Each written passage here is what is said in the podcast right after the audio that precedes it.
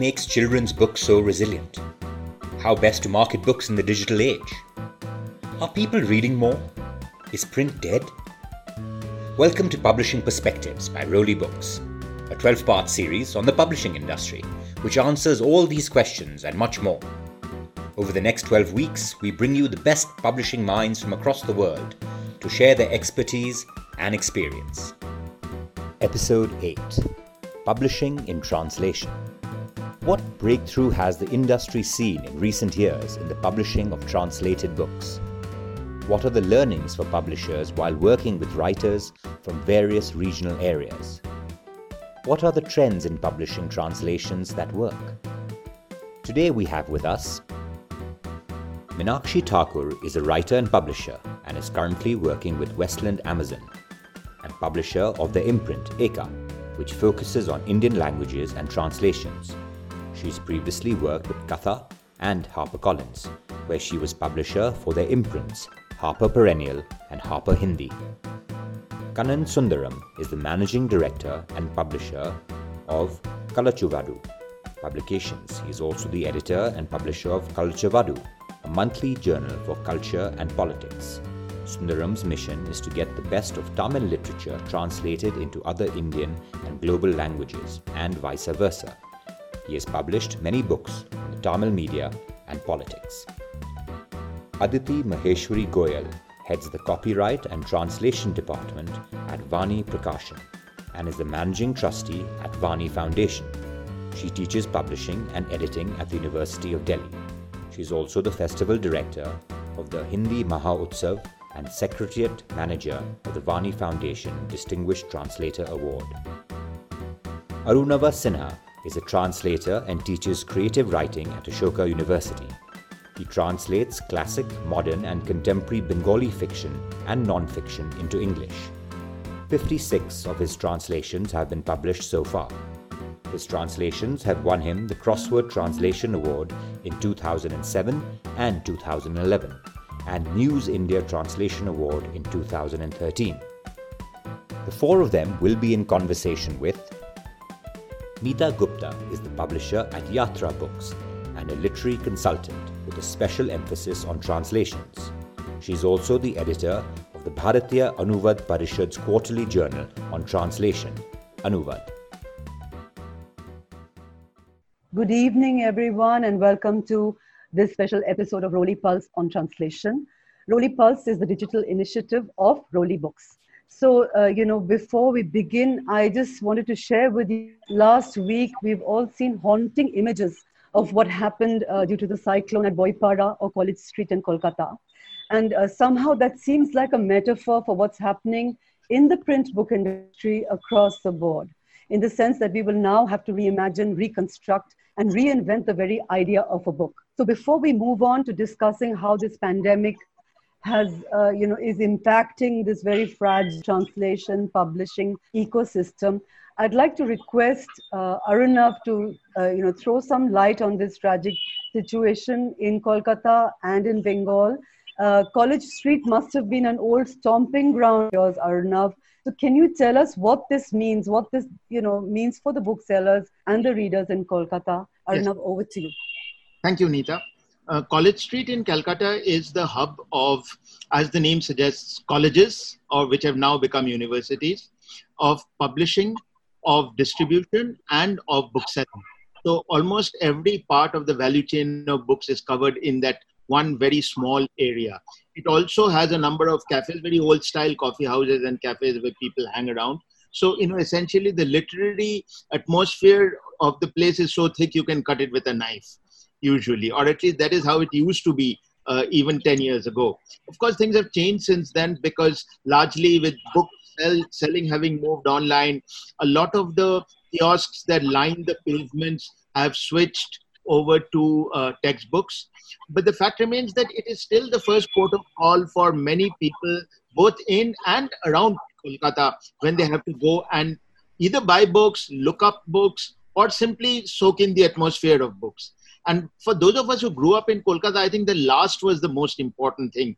That, you know, when you sought refuge of some kind from the chaos that was around you, you went to that particular area and you just, you, you slowed down. you started strolling between the kiosks you looked up old books you had inevitably you had very well informed booksellers who by virtue of their long association with books and authors could tell you a thing or two about uh, special editions first editions you lighted upon glorious second-hand copies of books with gift uh, inscriptions in them um, a lot of marginalia very exciting annotation so it was it was quite a quite a sort of paradise for book lovers, and almost every other Calcuttan uh, was a book lover back then. So it is heartbreaking now to see what has happened. First, of course, there was the lockdown from the pandemic, which meant that the entire area, like all of other retail had closed down entirely. And because many of these kiosks which line the pavements, and indeed many of the bookshops as well, are run by people who don't live in Calcutta but in what's called the mofussils, they had left and they had gone home and they weren't even visiting their shops. Um, so when the cyclone struck literally with a few hours notice and the place was completely flooded, it's hard to imagine the kind of it's not just the material loss but it is the sweeping away of a whole way of life, as it were. You know, which even if you're clinging on to in some ways, maybe it's not as a big a part of your daily life as before. It is still that safe spot that for many of us in Kolkata and around India, uh, you know, that we connected it with. And indeed, many smaller, for example, I can give you one, one uh, instance of a, a kiosk called Choturtho Dunya, the Fourth World, which is a kiosk run exclusively for books by Dalit writers, which are published by alternative presses. Now, this was the literally the only place in Kolkata where you could buy these books, and they would open only one day a week. And I don't even want to think what must have happened to their stock. It's probably just gone, and they're not going to be able to redo it. So, yes, fortunately, or maybe that's not the right word, but a number of um, fundraising initiatives have been started one led by the Publishers and Booksellers Guild of Kolkata, which is a sort of umbrella body of all the publishers and booksellers in the area, and a couple of others as well. So we are hoping that maybe some funds can be raised and some of the losses can be recouped, and and everybody who had a space there will be able to resume and restart their business. But it has still been a very hard blow, no doubt about it. I, I completely agree with you, and I think uh, in terms of you know um, more than a tribute, I think what we're trying to do here is like a call to action to book communities across the world to step forward and maybe in their own way, whether it's ideas, whether it's money, help just rebuild this space because it's very important for all of us to have this little, you know, it's like a, a beautiful places in Kolkata. I visited it once and I think uh, we want it back in whatever new avatar or whatever. But uh, so this is a call to action from all of us in the book publishing world to the other communities, these book lovers across the world. So, uh, with those words, I now invite um, each of our publishers here today. We have uh, Minakshi from Westland Amazon, we have Kannan from Kalachuvadu, Aditi representing Vani Prakashan and Vani Foundation. I'd like to start with, you know, to, just to give us, and you know, if you could give us an overview of translation publishing in India from your perspective, uh, because you have this wonderful new imprint, uh, this, uh, you know, uh, Eka, which is a, it's a translation imprint. You publish in about 10 Indian languages, including English. And uh, I think you fantastic, uh, you know, uh, projects within this particular imprint uh, it'd be lovely for us to open with uh, what you've been and what kind of breakthroughs you've seen um, in within this last two years of uh, working and bringing Eka to life. So over to you, Minakshi. Thank you, Nita. Hello, everyone. When I came from Harper to Westland, setting up this new imprint called Eka, which means bringing many together as one, was, seemed like a natural extension of what I was already doing there. I was running the Hindi publishing program and also the English translations program. Um, so here we decided to publish in nine languages and translate within those languages and into English. We did about 76 books last year. There were some learnings. We decided to slow down a bit because in some uh, each state seemed like a very different, vastly different market from the other. Malayalam seemed very different in temperament from Marathi, Marathi from Gujarati. The number of writers, the kind of writers were very different. The genres that worked in each market were very different. So um, we learned a lot. We made some mistakes. we had to face some resistance in some markets also from those uh, from uh, the local players. Um, but it has been a very um, uh, rewarding year in the sense that we every every day in the last one year or a year and a half, I've discovered a new writer and have been totally uh, um, dazzled by that kind of writing. Each language has been a, a, new discovery. Hindi, I already knew because I was reading a lot in Hindi anyway, but there were other languages where um, I don't know. I just thought that they are vastly superior to the Hindi English writers that we publish. That is my personal opinion. Um, um, and yes, it's been very rewarding. What what else would you like uh, me to say? So, uh, what I wanted you to share was also some of the books which were like breakthrough books, or some of the writers who you know you've brought into English translation as well. If you could share a little bit about that, so that we get a sense of. Um, uh, I'm not talking about sales so much, but more about the creative part of it. Okay, so we launched the imprint with an English translation, which was uh, done by Arunava's Manoranjan Vyapari's uh, novel called uh, There's Gunpowder in the Air. And um, it's been phenomenal the kind of attention he got, the number of uh, awards he got shortlisted for. Um, so that was the first book. Um, we that led to us uh, acquiring rights to all his books. He has about 15 books so far, and 100 short stories. We took 50 of them. And we are slowly going to translate them into English and um, we'll start with four other languages. So right now we are currently we're working on Malayalam, Hindi, Bangla, and English. Bangla, we also publish him in Bangla now. So uh, that alone has been um, it's been very interesting. That's one. Then we're going to publish Amitav Ghosh in four languages. So that's that's another one. Um, another writer that I uh, published last year that I was very excited about, and we got a lot of um, we got a lot of uh, media interest for that and uh, interest from movie producers. Interestingly, that's Rajesh Kumar. He's a Tamil writer. He writes these short, short, short novellas which are published in mostly in journals, and then later they are clubbed together and made into books. He's re- written about 1500 novellas in the last 40 years. So when i went to meet him i just said pranam i i can never i uh, you're probably one of the very few writers who can, who's pulled this off.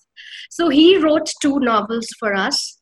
Um, they sold about 3000 copies each which isn't bad at all for tamil we got a lot of interest at Mami Word to Screen Market. And we didn't have the rights but we've put him in touch with various producers and ott platforms. Let's see what what comes of it. Poonachi is another um, uh, good example of um, uh, kannan publishes uh, murugan perumal murugan and uh, poonachi was published by context at westland into english and then we are translating it into eight languages we've done six so far yeah, that's that's amazing, amazing work, and congratulations on the you know having in, in such a short time having such a fabulous list out there. You mentioned Kannan's books and Perumal Murugan in particular. Uh, I wanted to take this con- this you know the the next uh, question to Kannan. Uh, Kannan, could you tell us a little bit about you know the, these translation trends in Indian languages? and uh, whether it's easy to find because i know when you were working on the perumal murugan translations into various indian languages um, you know to, to share a little bit about whether it's easy to find translators who work between say bangla and tamil i'm looking at both of you here uh, kannan uh, and you know uh, what were the experiences on the ground that you, you know if you could that with our just to understand uh, what are the, you know, some of the challenges that you faced uh, in uh, getting some of this work done. You know, I, I just want to talk about um, uh, two issues here. One, the, the issues with publishers in India and also with translators when it comes to translation. Now, what I see is that, uh, you know, a majority of publishers and editors working in publishing houses in India are monolingual. Uh, in all the languages. So they don't, they don't, uh, in Indian language publishing, many of the editors, publishers are unable to uh, communicate in more than uh, their own language. And when it comes to Indian English publishing, uh, most of the editors and publishers, uh, they are fluent only in English and not in any other Indian language.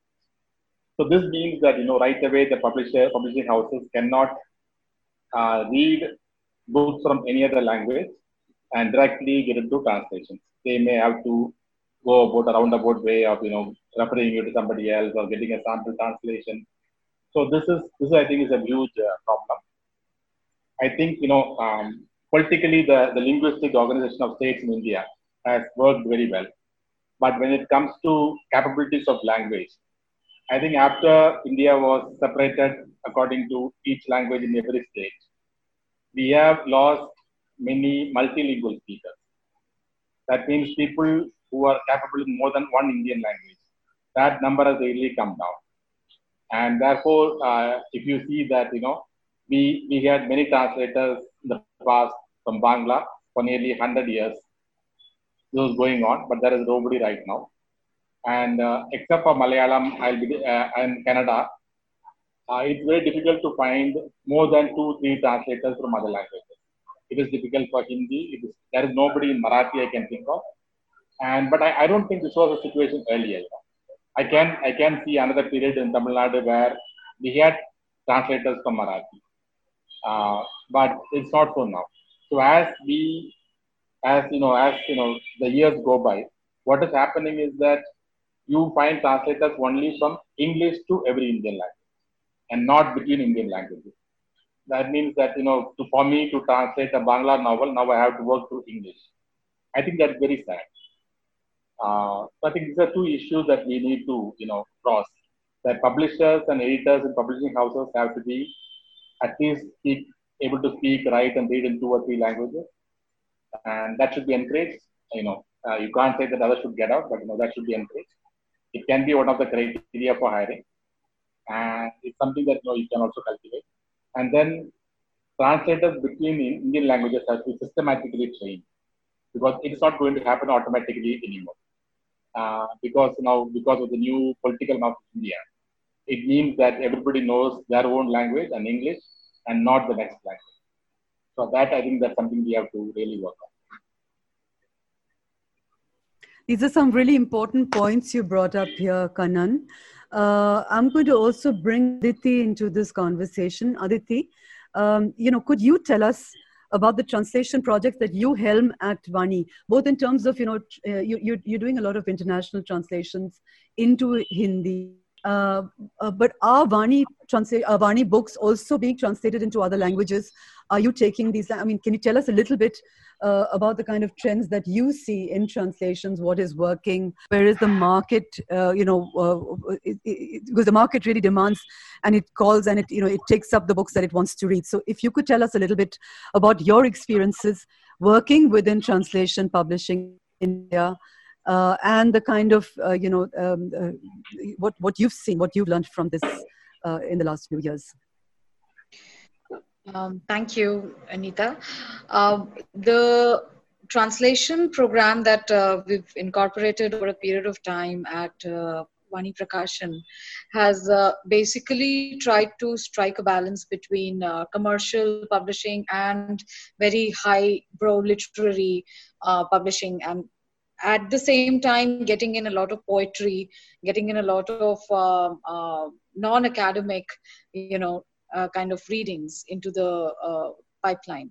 The whole idea is that uh, the understanding with which we work in the editorial department is that the entire Hindi belt is very open to newer ideas, to newer books, to newer writers.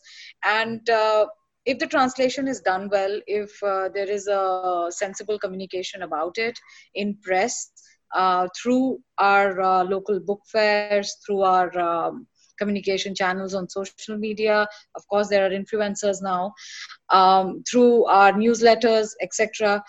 Uh, so people in the Hindi belt they do go out, do experiment with new content.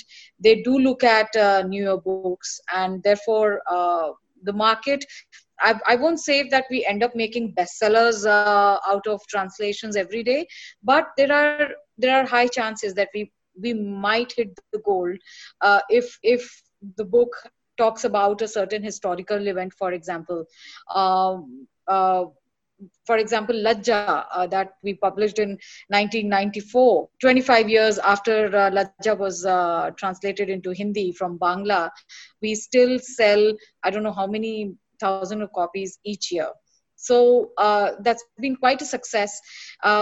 I would say that uh, books from Urdu to Hindi do very well because the sensibilities are quite similar.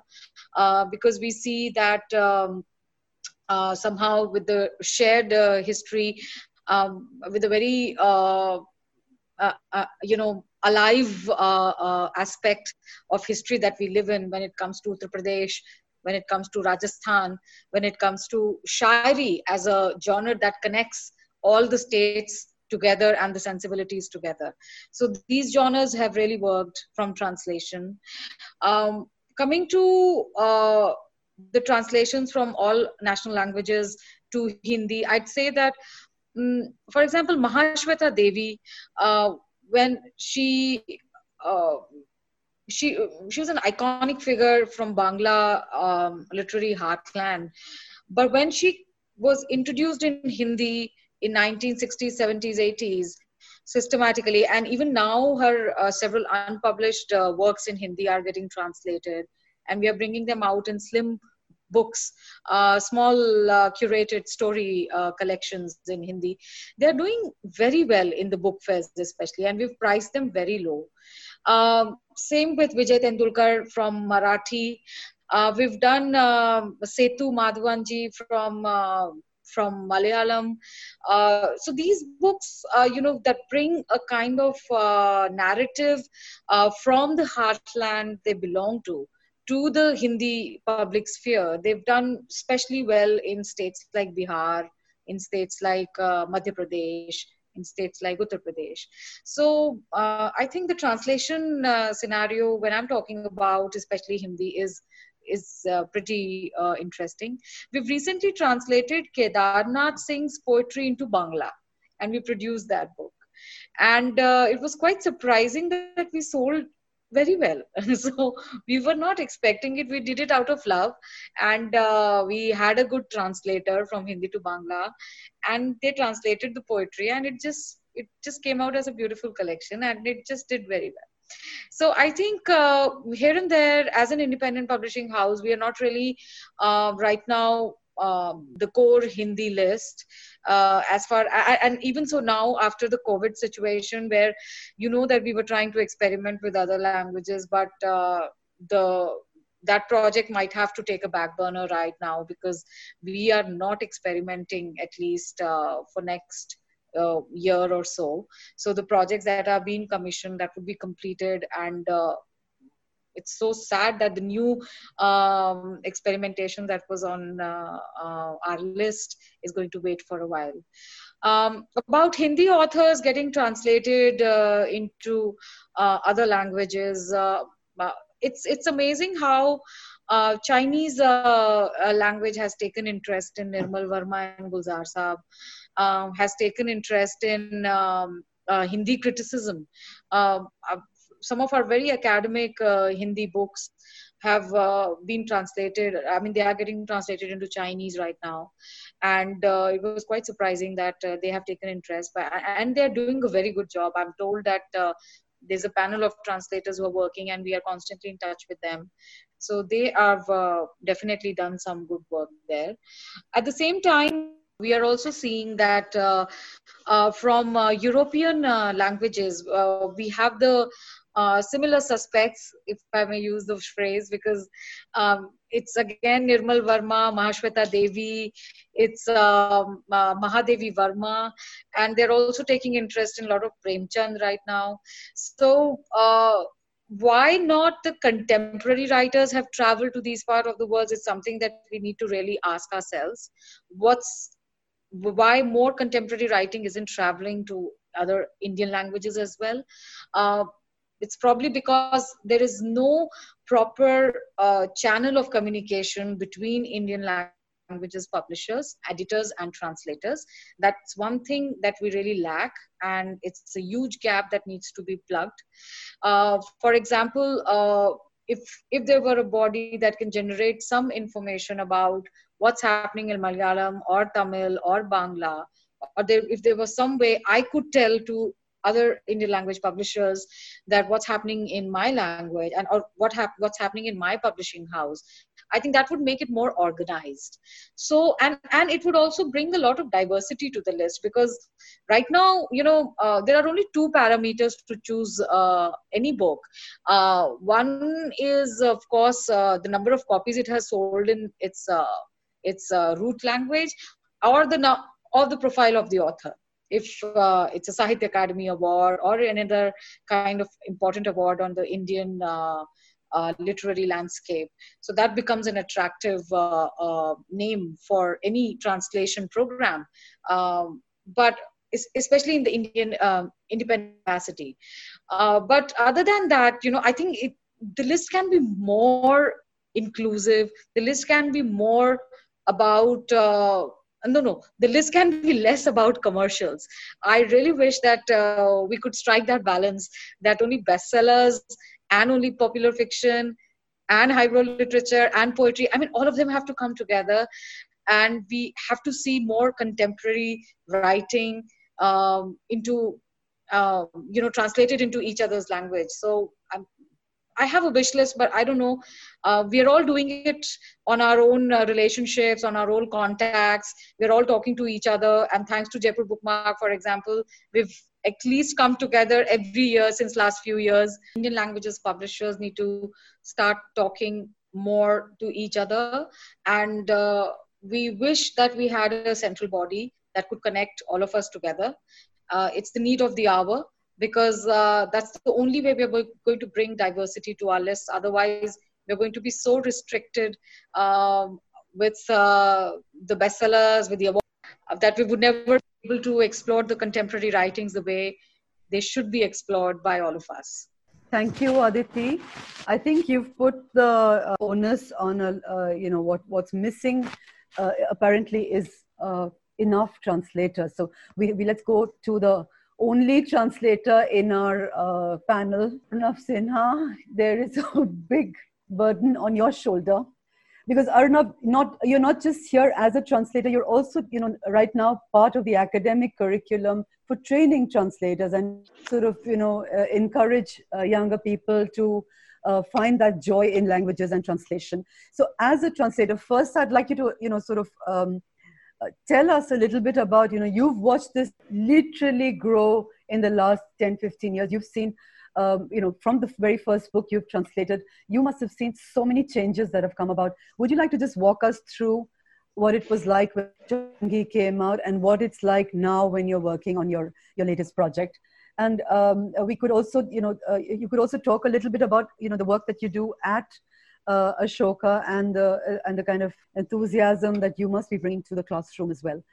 So uh, over to you, Arnav. Thank you, Nita. Um, so back in what about 14 or 15 years ago, uh, publishers were very keen on publishing what they thought were the best books out there in the different non-English languages of India and publishing them in translated form without worrying too much about whether what the commercial prospects of the books would be.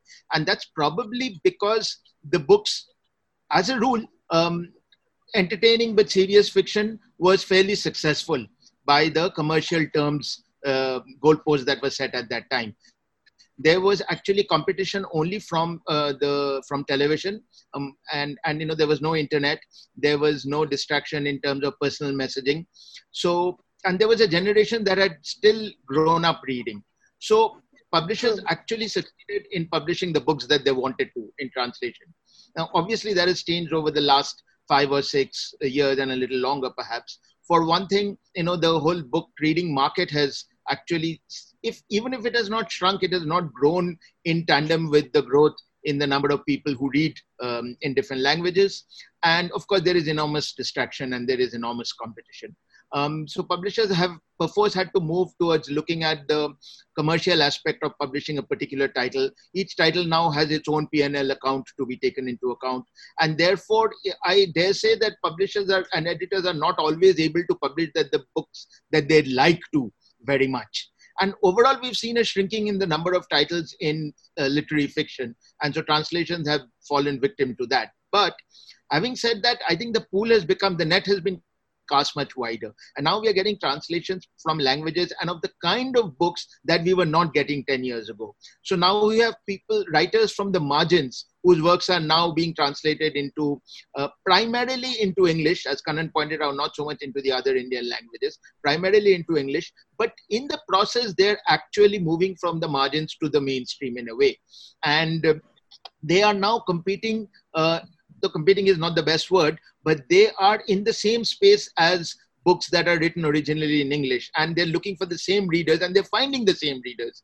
And very importantly, I think they're getting the same readers very excited because readers are now reading a less cerebral, less rarefied uh, kind of literature and reading something that's much more down to earth, much more raw, uh, perhaps less meticulously crafted, but much more energetic, much more vigorous and forceful. And of course we are getting to read um, people uh, from the uh, from the so-called uh, uh, other castes. We are getting to read many more women. So all of these things i think qualitatively are very good for the for the whole translation space as it were um, at Ashoka University, we, we, are now the only university, I think, in the country which actually has uh, proper courses in uh, literary translation. And um, I just want to tell you this that I have seen the most excited bunch of youngsters now working on translations, finishing trans uh, publication quality work now. And I can assure the publishers here that in the English language, at least, you're going to get a number of manuscripts from these students over the next uh, year and couple of years. And my personal target is to have at least 10 books out by these students. And they're writing at the best time of their lives because they're 18, 19, 20. They're unafraid. They have no baggage. They're very deeply invested in what they're doing. They're not too bothered about the economic, the financial side of it. Or let me put it this way: whatever little they get is enormous by their standards. And most of all, it is getting them back in to connect in connection with their own languages, which is perhaps the biggest gain that most of them are making. And mind you, many of them are they're confessing quite candidly that we are not great readers in our own languages to begin with. But this act of translation has taken us back to the literatures of our our parents and our grandparents, and we are reading with so much joy now, and we can't wait to bring them into other languages. So, taking off again from what Kannan was saying and what Aditi was saying, I have two or three uh, thoughts. I don't know if these can be implemented, but I think that while it is, of course, great if we can uh, build a new generation of translators who can work from one of the non English languages into another, uh, that'll take time, right? So maybe it's not a bad idea to think more actively in terms of using maybe pairs of translators. So someone, you know, if you're translating from Tamil into Bangla, maybe find a translator whose mother tongue is Tamil and one whose mother tongue is Bangla and make them work together and i think that way they might come up with something that will be perhaps better than going through the english bridge language process. But even if that is not possible i would say that let's go through english as a bridge language or hindi as a bridge language. Because you know as vivek um, says any translation is better than no translation yeah. And this brings me to the next point which is that you know i've been wondering why it is that in europe for example there's so much excitement in germany over a new book by a french writer or in in uh, spain over a new book by a german writer. And i realized that there is a sense of common ownership Europe as a whole, Europeans feel that these are our writers. They don't necessarily think of writers as being French or German or Spanish alone. And they're very keen to be able to read their own writers. I think we that is something that has stopped in India. If you look at the writers whose names are being mentioned, who are translated, were translated into other language, they were considered writers they were owned by the readers in whatever language they were in, right? So much so that there is the, I don't know if this is a apocryphal canon, but it is said that many people from Kerala and Tamil Nadu would not believe that Sharat Chandra was not uh, was a Bengali and not actually a Malayali or a Tamil. So even if that's apocryphal, you understand where they're coming from. And I think it would be of great value today if, along with publishers talking to one another, if we can find a way of creating this notion that these are our writers and these are our writers irrespective of the language in which they work and these are the writers we should all be excited about reading i think if that happens you know then there will automatically be a demand and without demand you cannot have the supply right i mean minakshi knows that aditi knows that uh, kannan knows that you'll do your best to produce the best books but you know if you come back at the end of a year and find that not enough copies have been sold Kannan can take his own decisions. Aditi can take her own decisions. But Minakshi has a whole uh, corporate uh, setup whom she has to convince, right? And most big publishers uh, are, are ruled by their corporate um, uh, organizations. So I'm thinking that why should uh, readers in in Tamil Nadu or in Rajasthan or in a Gujarat not be excited about a new writer in Hindi or in Malayalam um, or in Bangla? That's because they don't know anything about them. We are not making any effort to let them know that they, these writers exist and this is what their works are like. Number one. Number two, the other way I found that translate, and as you know in the West, how translations from Asia are now becoming all the rage, although in a small way, but many readers are very excited about them. So there is this regional identity that is being created, you know, Korean literature, Vietnamese literature, Thai literature, Chinese literature. And here again in India, we have lost that sense of excitement. You know, we, we have not tried to create identities for these um, regions as well as um, groups of writers to say that you have read one Dalit writer, now read 15 more. You have read one woman writer from Assam, now read 10 more. So I think if we can if we can work on these, and I think this is something that has to be a joint effort from everybody who is in here. And I don't know how much of it can be done through formal means, but if we talk, if we just keep talking, and if we relentlessly you know have this conversation with anybody we meet literally whether it is distributors booksellers publishers college students school students their parents anybody we meet we talk about these writers and these books i'm sure there's going to be some excitement. Uh, you know that will then lead to demand and then uh, we can try and actually meet some of that uh, uh demand.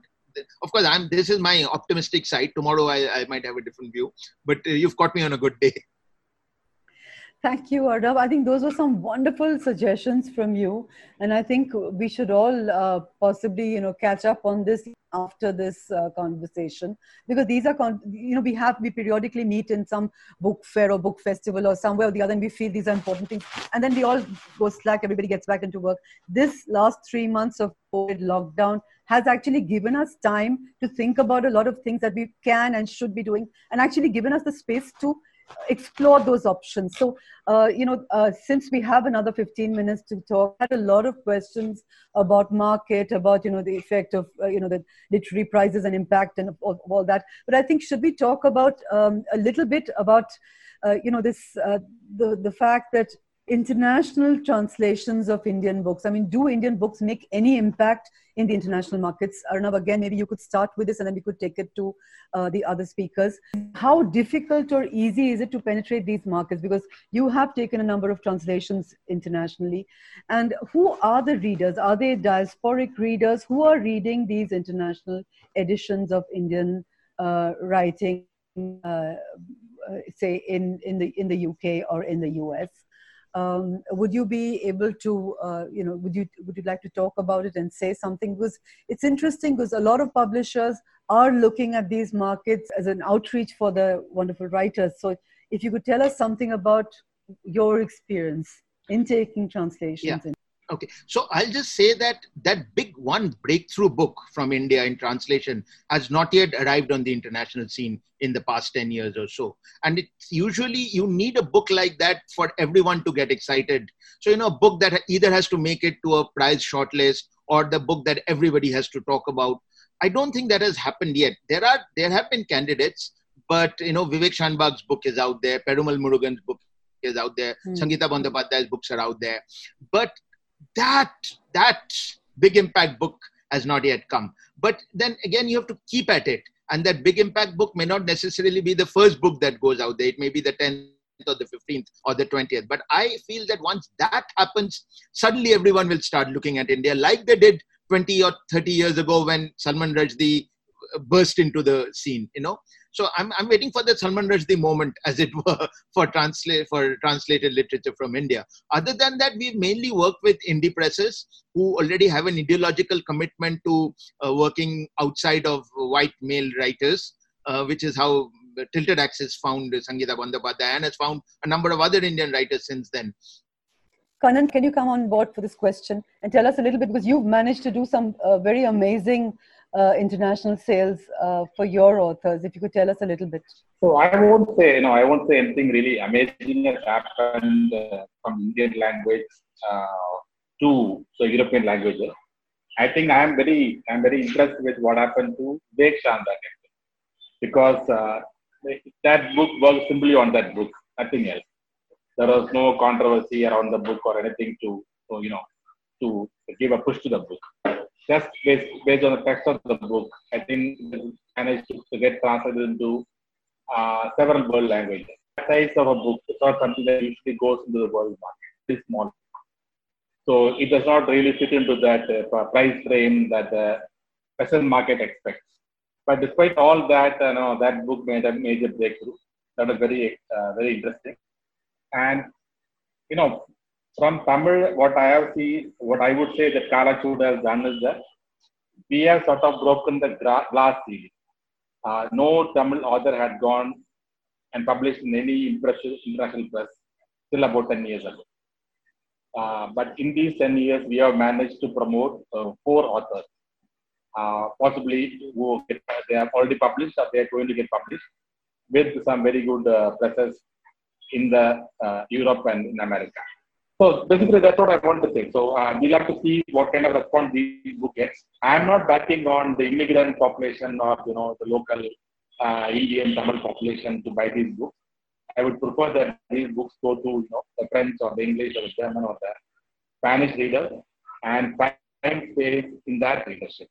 So I'm hopeful this is going to happen, but I don't think like Arnab said that there is no breakthrough book yet and it might happen anytime. So, sorry, if I can, uh, with one 30 second comment, which is that one reason that some of the literatures of other Asian countries have been successful is that their governments or quasi government bodies have made a huge push for um, visibility and for actually funding translations and becoming partner countries at the major book fairs and so on. And we have not seen anything like that from India. I know that there was the Indian Literature Abroad initiative, which had been started uh, seven or eight years ago. Uh, but I don't think we can expect anything from any Indian government either. So only if there's a private uh, initiative can that uh, be successful. Thanks, Arnav. Uh, I'm going to just request uh, all of you to give us some closing comments. The idea of you know us getting together today was to understand how COVID can impact this very fragile translation specific publishing ecosystem. So I'm just going to take the mic around two minute comments from everyone starting with uh, Minakshi. Um, so our April books are basically they aren't out yet. So all the books have been sliding. So all the April books will be out June end. So we're all we are three months or two months behind the schedule. Um, in which case we've decided to cut down on the number of books between July and December. So if we say we were doing 70 books, we will only be doing 50 books. We're trying to do only 10 to 14 books every month, uh, July onwards. And so the language list also, we have shortened it, a bit, and we're just keeping the um, certain languages like Hindi, Marathi, and um, Bangla, we'll keep this year, and some of the other languages we'll have to move um, um, not Marathi actually. Marathi we'll just hold on for a while because of the situation in Maharashtra. But the other languages, Hindi and uh, Malayalam and Bangla, those three we will um, we will publish all the books that are in, the pipeline. Um, the other impact is um, we don't know yet what the bookstores. We're just playing it by uh, ear. Um, but the number of books, the revenues will come down sharply that we that we are prepared for now. Um, the other thing that I was thinking was that for a trans COVID or no COVID, for a translations program to uh, survive in any one publishing house, it's important that every publisher in the country keeps his or keeps their translation program alive. No one publisher can run it alone. It's it's you have to flush the market with translations, good translations, so that you're able to create demand. If you're not able to do that, nobody will know what you're trying to do. So we need to come together in some way. Like Arunava said, we can't depend on Sahitya Akademi or any other government body. Aditi's uh, suggestion is also great. I will receive a mail every day from Publishers Marketplace, and I know that what I know what's happening in the world, who's buying what, who's selling what rights, but we don't know what each one of us is doing in, within our country. Very important points there. Aditi, would you like to comment on that? So, uh, a, a roundup of what we were talking about. Right. So yesterday, um, I heard uh, we all heard that uh, giant media house laid off over 150 employees, uh, top brass uh, editorial uh, staff, um, and uh, these were the oldest names we've read in the newspapers since last one and a half two decades and we've known a certain subject through them. So what made me think was that um, uh, I'm, I'm quite glad that none of such news has come from publishing. None of the publishing houses have let go of their editors. And uh, the top brass uh, the top line uh, of any publishing house is very much intact that also gave me a lot of hope that uh, uh, you know independent publishing is such a non-advertising driven model that uh, a situation like covid does derail our project does delay our project but at least it is not hitting our spine it is not hitting our core team. Uh, so that's one uh, a bit that i thought that we were doing well Another uh, uh, aspect is that, um, of course, uh, in this situation, the projects are delayed by two and a half to three months. Uh, so, for example, Vani is doing about 350 to 400 books a year. So, uh, we don't know. I mean, the books that were ready in February to go to press, that were ready in uh, March first week to go to press, they're still waiting in the docks. The uh, printers are not able to give us any date. The paper was bought in, for example, in January but the paper is still lying in the warehouse. The bills are paid of that paper but uh, we don't know when it is going to be uh, printed uh, upon. So um, a lot of money has got stuck at various levels in the operations and uh, uh, as you can see that uh, the ODs in the banks or the financial cycle has just taken such a toll. But uh, uh, we are uh, kind of hopeful that as the market would uh, open up say after july i don't think anything is happening before july. I may be wrong but uh, as i see that uh, because our press is not able to give us any date they don't have the labor with them. Um, so i'm seeing that nothing is happening before two months. So we're only hoping that uh, we be able to you know keep doing the editorial work keep doing uh, some more uh, what should say some more social media some some more campaigns here and there. Uh, but nothing solid is coming out as for now. But uh, we are hopeful at least uh, when i look at the newspaper industry when i look at the uh, media industry uh, the way they are laying off I, I, feel blessed that i'm a part of publishing industry. I'm i'm not on that part of the um, the community uh, so that's it. It's, it's it's a scary situation of course but we are hopeful that we'll survive. Thanks, Aditi. Kannan, are you here? Can we have uh, a closing comment from you? So I just want to make uh, two quick points. One, I would like to second uh, Arunava's uh, you know, suggestion that we need a private grant program.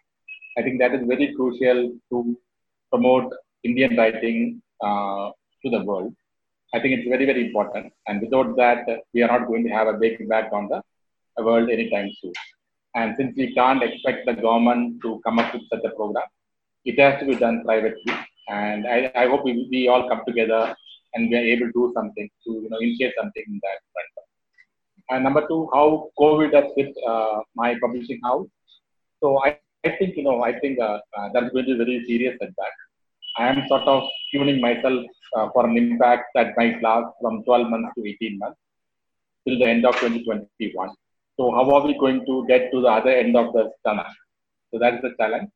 we have temporarily hit the pause button on our publishing program, and we are now focused on converting all our books into ebooks, into audiobooks, and trying to get into other technological uh, aspects where we can bring in some income during this lockdown period or during this period when there is no transport or less uh, readers in the bookshop. So that is a challenge facing right now. I don't think we are going to go back to a pre-COVID area and uh, be a normal, you know, uh, publishing house anymore. I think this is going to change all of us completely. And this, I feel that's going to change uh, Kalachuvadu, the publication completely in many ways. And, and I am preparing myself every day uh, to understand what might happen and how I can change the company so that we are able to survive uh, this huge impact on publishing. Thank you, Kannan. I think this is something that is, uh, you know, there's a, uh, we heard other publishers this as well about uh, shifting to the e formats and the audio formats. We had Bangla publishers say the same thing. In fact, Tridip, I think, mentioned it in an essay that he wrote post uh, saying that they had never considered important earlier, but now they have, you know, it's, it, it's imperative that they convert their backlist to um, the e-format and make these books available across platforms. I thank all of you for joining us in this discussion. On behalf of Roli Books, I think it's a great idea. Let's follow them on Facebook, Twitter, and Instagram for all their, you know, exciting programs and activities uh, that are, you know, being generated through Roli Pulse. And uh, stay well, all of you. Stay safe and believe in book.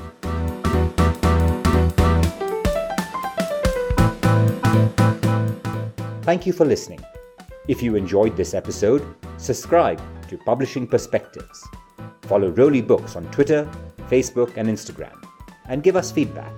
We would love to hear from you.